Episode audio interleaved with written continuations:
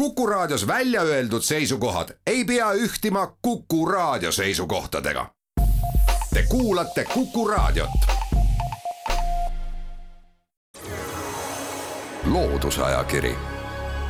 vaata ka looduseajakiri.ee. tere kõigile teile, head Kuku Raadio kuulajad. palusin täna saatesse külla ajakirja Eesti Loodus toimetaja Juhan Jaavuisi. tere, Juhan. tere mina olen saatejuht Tiia Rööp. me võtsime plaaniks tänase saatega tutvustada teile ajakirja Eesti Loodus veebruari numbrit ja enne veel, kui me vaatame ajakirja kaante vahele, peatuksin hea meelega kaanefotol. kui harilikult on ajakirja Eesti Loodus kaanefotol mõni tuttav loom või lind või taim, siis sedapuhku on kaanefotol olend, keda vaadates esimese asjana tuli mul pähe küsimus, kes sina selline oled see on tegelikult täitsa tuttav olend äh, ka seekord kaane peal, lihtsalt natuke huvitava pilgu alt vaadates, tegemist on hariliku kaartsamblikuga, kes Eestis on tegelikult äh, kividel üpriski tavaline, aga see kaan on jah, hea näide sellest, et äh, makrofotograafia teeb võidukäiku ja avardab meie vaatepilti meid ümbritseval loodusele ja nendele olevustele, kes meie ümber elavad et selle pildi järgi teda tõesti hästi ära ei tunneks, aga looduses on ta vast igaühele tuttav vaatepilt natuke suuremas skaalas. Eesti Looduse veebruari number keskendub rändrahnudele, aga kuna suured kivid on paljudele sammaldele ja samblikele ka sobivaks elupaigaks, siis saavad tähelepanu nemadki. ning sissejuhatuseks põhiteemasse on väga head ülevaated kõige tähelepanuväärsematest rändrahnudest Euroopas ja samuti ka Eestist kui rändrahnumaast Kalle Suuroja ja Martin Suuroja kirjutavad hiidrahnudest ja on nad artikli pealkirjaks pannud küsimuse, mitu hiidrahnu on Eestis. kui artiklit lugeda, siis tuleb välja, et on täiesti põhjendatud, miks pealkirjaks on küsimus. jah, kõigepealt äh, täpsustaks kiirelt, äh, mis asi see hiidrahn on, et hiidrahn on kokkuleppeliselt selline rändrahn või rändkivi, mille läbimõõt on üle kümne meetri või ümbermõõt üle kahekümne viie meetri, et selline kokkuleppeline piir, ühesõnaga hästi suured rändrahnud. ja võib-olla kõige intrigeerivam ja huvitavam fakt, mis sellest loost välja tuleb, ongi see, et eh, ega nad ei ole Eestis niiviisi sada protsenti täpselt veel üle loetud, autorid eh, rõhutavad, et kuskil metsapadrikus võib veel peidus olla mõnigi hiidrahn, et see on looduses liikujatele kindlasti põnev väljakutse, et kas me leiame veel ühe juurde. aga üldiselt on jah, autorid teinud erakordselt põhjalikku tööd, põhiliselt siis ortofotodega ja lidari andmetega ja avastanud sellise, nagu nad ise ütlevad, jahmatava tõsiasja, et et kui mujal pool Põhja-Euroopas on hiidrahnusid ehk äh, kokku kümmekond, siis Eestis on nad neid kokku nüüdseks lugenud juba sada nelikümmend üheksa tükki ja arvavad, et üks on kindlasti veel kuskil peidus, nii et vähemalt sada viiskümmend võiks neid Eestis olla, et nende numbrite vahe on tõesti hämmastav ja no võib-olla ta natukene peegeldab ka Eesti kiviuurijate innukust võrreldes teiste maade kiviuurijatega, aga see üldproportsioon on selline tõesti, et, et Eestit võib õigusega nimetada rändrahnude maaks. lehitseme ajakirja Eesti Loodus veebruari numbrit edasi. botaanik Nele Ingerpuu ja taimeökoloog Kai Vellak kirjutavad kivide asukatest sammaldest. me saame siit teada, et Eesti enam kui kuuesajast samblaliigist umbes sada viiskümmend kasvavad kividel ja nendest saja viiekümnest üks kolmandik on sellised, kes kasvavad ainult kividel veelgi huvitavam on teada saada, et samblad teevad vahet, mis kiviga tegemist on. on neid, kes kasvavad meelsasti lubjakividel, on neid, kes eelistavad liivakivi, leidub neidki, kes saavad hakkama graniidil kasvamisega. jah, ega kui vaadata kivide elustikku, siis seda silmaga nähtavat elustikku seal väga palju ju ei olegi, et need kivid, mis pinnasest välja paistavad, tunduvad nagu esmapilgul küllaltki paljad olevat, aga kui lähemalt uurima hakata, siis samblaid ja samblikke on nende peal päris kirev seltskond kasvamas ja, ja nendest mõlemast rühmast on ka eraldi lugu Eesti looduses. ja Eestis siis äh, kiviseid äh, kasvupindasid ongi, nagu sa ütlesid, kolme tüüpi, et Põhja- ja Lääne-Eestis on äh, lubjakivi kaljuseinad, Lõuna-Eestis liivakivi kaljuseinad ja siis on graniidist rändkivid, mis on jääajal kandunud siia Soomest, et kolme tüüpi kivipindadel Eestis laias laastus neid leidub ja artikli piltidest saab siis esmase ülevaate võib-olla tavalisematest asukatest sammalde ja samblike hulgas. ja sammaldest kõneldes lisaks sellele liigikirevusele saab teada ka huvitavaid fakte, näiteks seda, et samblad on taimede seas rekordiomanikud kuiva talumises, näiteks selline liik nagu müürkeerik on suutnud elustuda pärast seda, kui ta oli neliteist aastat läbi kuivanud. et see on võib-olla hea vihje, miks me leiame kivide pealt samblaid, aga mitte siis muid taimerühmi. lehitseme ajakirja Eesti Loodus veebruari numbrit edasi. Ave Suia, Ave Suia on Tartu Ülikooli liheonoloogia kaasprofessor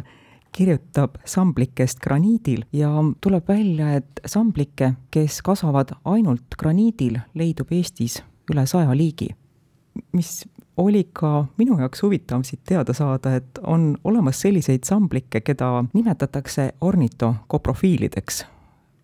ka mul oli üllatav teadmine, et, et siin on märgitud selline nähtus, et Eestis mere äärde minnes tunduvad kivid olevat kollasemad ja põhjus siis on mitmesugused äh, korp- ja kuldsamblikud, kes armastavad elada linnusõnniku peal või selle läheduses, et ju nad sealt siis omale lämmastikku ja võib-olla veel mingeid muid olulisi aineid hangivad, aga selline huvitav äh, gradient looduses olevat näha, et kes äh, nüüd mere äärde satub, võib oma silmaga proovida järgi kontrollida ja siinsamas sambliku loost leiame ka selle seekordse Kaanepoisi kaartsambliku, kes siis siin on palju äratuntavam ja sellesama kaartsambliku kohta omakorda saab teada sellise huvitava fakti, et teda on väga hea kasutada vanade kiviehitiste vanuse määramisel et ta on üks äh, tuntumaid liike, keda kasutatakse sellises meetodis nagu lihenomeetria. Ja meetod seisneb siis selles, et tuleb äh, vaadelda seda vana kiviehitist, mille vanus meid huvitab, ja leida sealt kõige suurema tallusega kooriksamblik ja määrata siis selle talluse läbimõõt. Teades, et siis näiteks harilik kaartsamblik kasvab umbes null koma kolm kuni null koma üheksa millimeetrit aastas, siis väikese korrutustehte abil saab umbkaudu hinnata, kui vana see kiviehitis võib olla. et siin muidugi tuleb muid tegureid ka arvesse võtta, et vastus saaks natuke täpsem. aga noh, selle loo põhiteema on muidugi kividel ja eelkõige siis selles loos graniidil, ehk siis nendel rändrahnudel elutsevate samblike mitmekesisus, et keda sealt leiab ja millised nad välja näevad seda saab siis äh, nii-öelda algaja tasemel siit artiklist tundma õppida. aga nüüd me teeme saatesse väikese pausi. loodusajakiri, vaata ka looduseajakiri.ee. loodusajakiri jätkub, saates on külas ajakirja Eesti Loodus toimetaja Juhan Jaavois, saatejuht on Tiiu Rööp Malle Hiiemäe kirjutab Eesti Looduse veebruari numbris rändrahnudest kui vaimse kultuuri vahendajatest ja kirjutab ta kividega seotud pärimusest ja tõdeb sellist nukrat asja, et nüüd, kahekümne esimesel sajandil ei teata enam kohalugusid nii hästi, kui, kui varem neid teati. kaovad inimesed, kaob ka pärimus. jah, see artikkel Rändrahnud kui vaimse kultuuri vahendajad lõpeb sellise nukravõitu kirjeldusega folklorist Mariann Remmeli vist välitööpäevikust või mingist sellistest märkmetest, kuidas ta siis otsib oma arhiivi lugude põhjal üles ühe muistenditega seotud kivi, mille nimeks on taevast kukkunud kivi siin. ja, ja ta leiab selle kivi tõesti üles, aga tõdeb, tõdeb siis, et ega seal ümbruses enam ei ole ühtegi inimest, kes teaks selle kivi muistendit või sellega seotud lugu, et äh, ainukesed, äh, kes seda lugu teavad, ongi siis arhiivi äh, toimikud ja see folklorist ise. Ja tõdeb siis, et see, kuigi see kivi on oma koha peal alles, aga et temaga seotud kultuuripärimus on nagu elaval kujul vääramatult minevikku jäänud ja see on ilmselt äh, väga üldine kõigi Eesti suurte kivide ja üldse loodusobjektidega seotud pärimuse puhul, et, et need objektid ise võivad olla veel äh, igasugustest ehitus- ja arendustöödest puutumata ja kenasti omas paigas, aga see nendega seotud kultuuripärand nüüd ilmsesti siis seoses selle väga võimsa meedia pealetungiga inimeste peadest kaob ja hävib ja asendub võib-olla ülemaailmsete loodusobjektide informatsiooniga. ja ilmselt on see midagi, mis toimub nüüd viimase paari aastakümne jooksul, et, et need huvitaval kombel läbi sajandite need muistendid on nüüd üsna viimase ajani püsinud ja, ja nende põlvkondadega nad, nad nüüd sellest loomulikust ühiskonnast kaovad lõplikult, kolivad üle arhiiviriiulitele. Ajakirja Eesti Loodus veebruarinumbri rubriik Abiks õpetajale on minu meelest väikese vimkaga. Martin Mileiko on artiklile pealkirjaks pannud Kalevipoeg rahnusid pillutamas ja ta arvutab, kui suur pidi olema Kalevipoeg, et tal oleks jaksu, oleks võimsust neid hiiglaslikke rahne loopida, mida me Kalevipoja näiteks lingukivina tunneme jah, tänapäeval tundub võib-olla isegi naljakas mõelda nendele vanadele muistenditele, kuidas äh, need suured rahnud ja hiidrahnud ja muud suured kivid, mis on Eestis laiali, siis äh, vanarahva fantaasias seostusid Kalevipojaga, kes neid koos teiste hiidudega mitmele poole lennutas või muul otstarbel kasutas, aga seda artiklit lugema jäädes ma ise jäin küll mõtlema, et vanarahvale võis olla see päris korralik pähkel närida, et kuidas selline mitmesaja või isegi tuhandetonnine kivi keset nende põldu või, või metsa vahele sattus, et see on ühest küljest ilmselge, et vanajumal seda sinna kohta aegade alguses ei ole loonud ja paigutanud, et ta pidi kuidagi sinna sattuma, aga teisest küljest on, võis tol ajal olla lihtsalt kujuteldamatu, et kuidas selline eh, majastki suurem kivimürakas siis sellesse paika pudenes nii-öelda. nagu ikka, päriselu trumpab eh, fantaasia oma kummalisuses üle, et vanarahval polnud aimugi, et tegelikult oli see mitmesaja meetri paksune jäävoolus, mis neid kive sinna kunagi tõi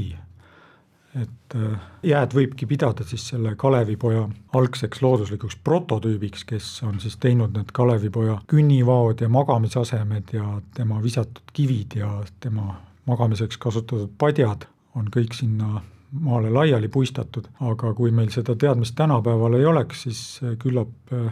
ise oleksime ka kimpus, et kuidas sellised nii-öelda kivikesed mööda Eestit laiali on pudenenud. aga selles loos on jah, selliseid elementaarseid äh,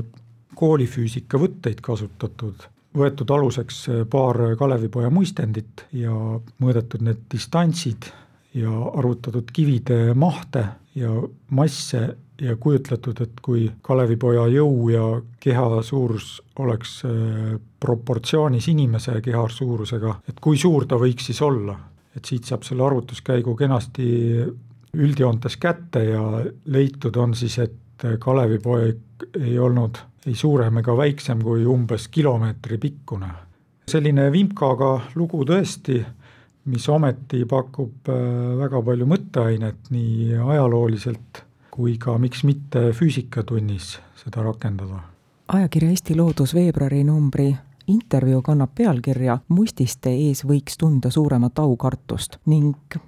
Eesti Looduse peatoimetaja Toomas Kukk ajab selles intervjuus juttu arheoloogiaprofessor Valter Langiga. mitmeid mureliku alatooniga teemasid on selles jutuajamises puudutatud,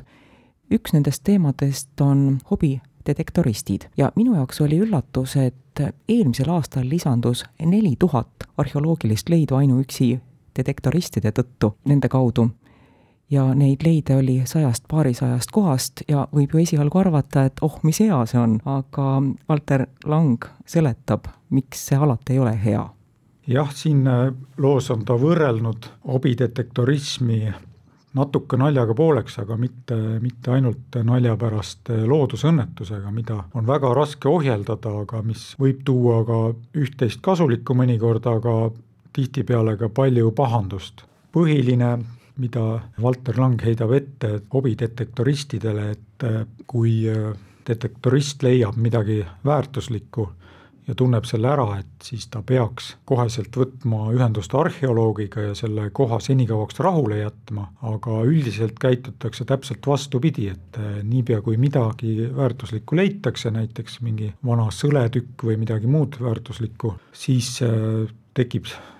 tegutsejates samasugune hasart nagu kalameestel, kui, kui kala tuleb ja urgitsetakse sealt maa seest siis neid esemeid välja nii palju, kui suudetakse. ja sellega see see leiukoht siis tihtipeale kaotab äh, väga suurel määral oma väärtuslikkust, et kui arheoloogid lõpuks teada saavad ja kohale jõuavad, siis ei olegi sealt tihtipeale enam midagi võtta. et äh, isegi arheoloogide hulgas on sellised seisukohad kohati levinud, et äh, hobidetektorism tuleks üldse ära keelata et lihtsalt äh, see kahju loodusväärtustele on niivõrd suur. ja huvitav on ka siit lugeda seda, et tänapäeval kõvemad arheoloogid enam naljalt äh, kaevamas ei käigi, et lihtsalt seda leiumaterjali on niivõrd palju kogunenud, et peaks tõmbama mõneks ajaks pidurit ja selle materjali põhjalt kõik need teadustööd valmis kirjutama ja uuringud läbi viima ja siis ettevaatlikult hakkama uusi kohti, kohti kaevama paraku on aeg sealmaal, et meil tuleb tänaseks saatele punkt panna ning kõigest sellest, millest ajakirja Eesti Loodus veebruari numbris kirjutatakse, millest lugeda saab, me teile saates rääkida ei jõudnud. näiteks saab lugeda Harimäest, putukajahist Venemaa Kaug-Idas, sambliku vaatluse tulemustest, humalast, aga ka nutikast kivikasutusest koduaias, paljust muustki. soovime teile lugemisrõõmu. aitäh, Juhan Jaavois, külla tulemast, aitäh sulle! aitäh! Aitäh kõigile kuulajatele ja jälle kuulmiseni. loodusajakiri, vaata ka looduseajakiri.ee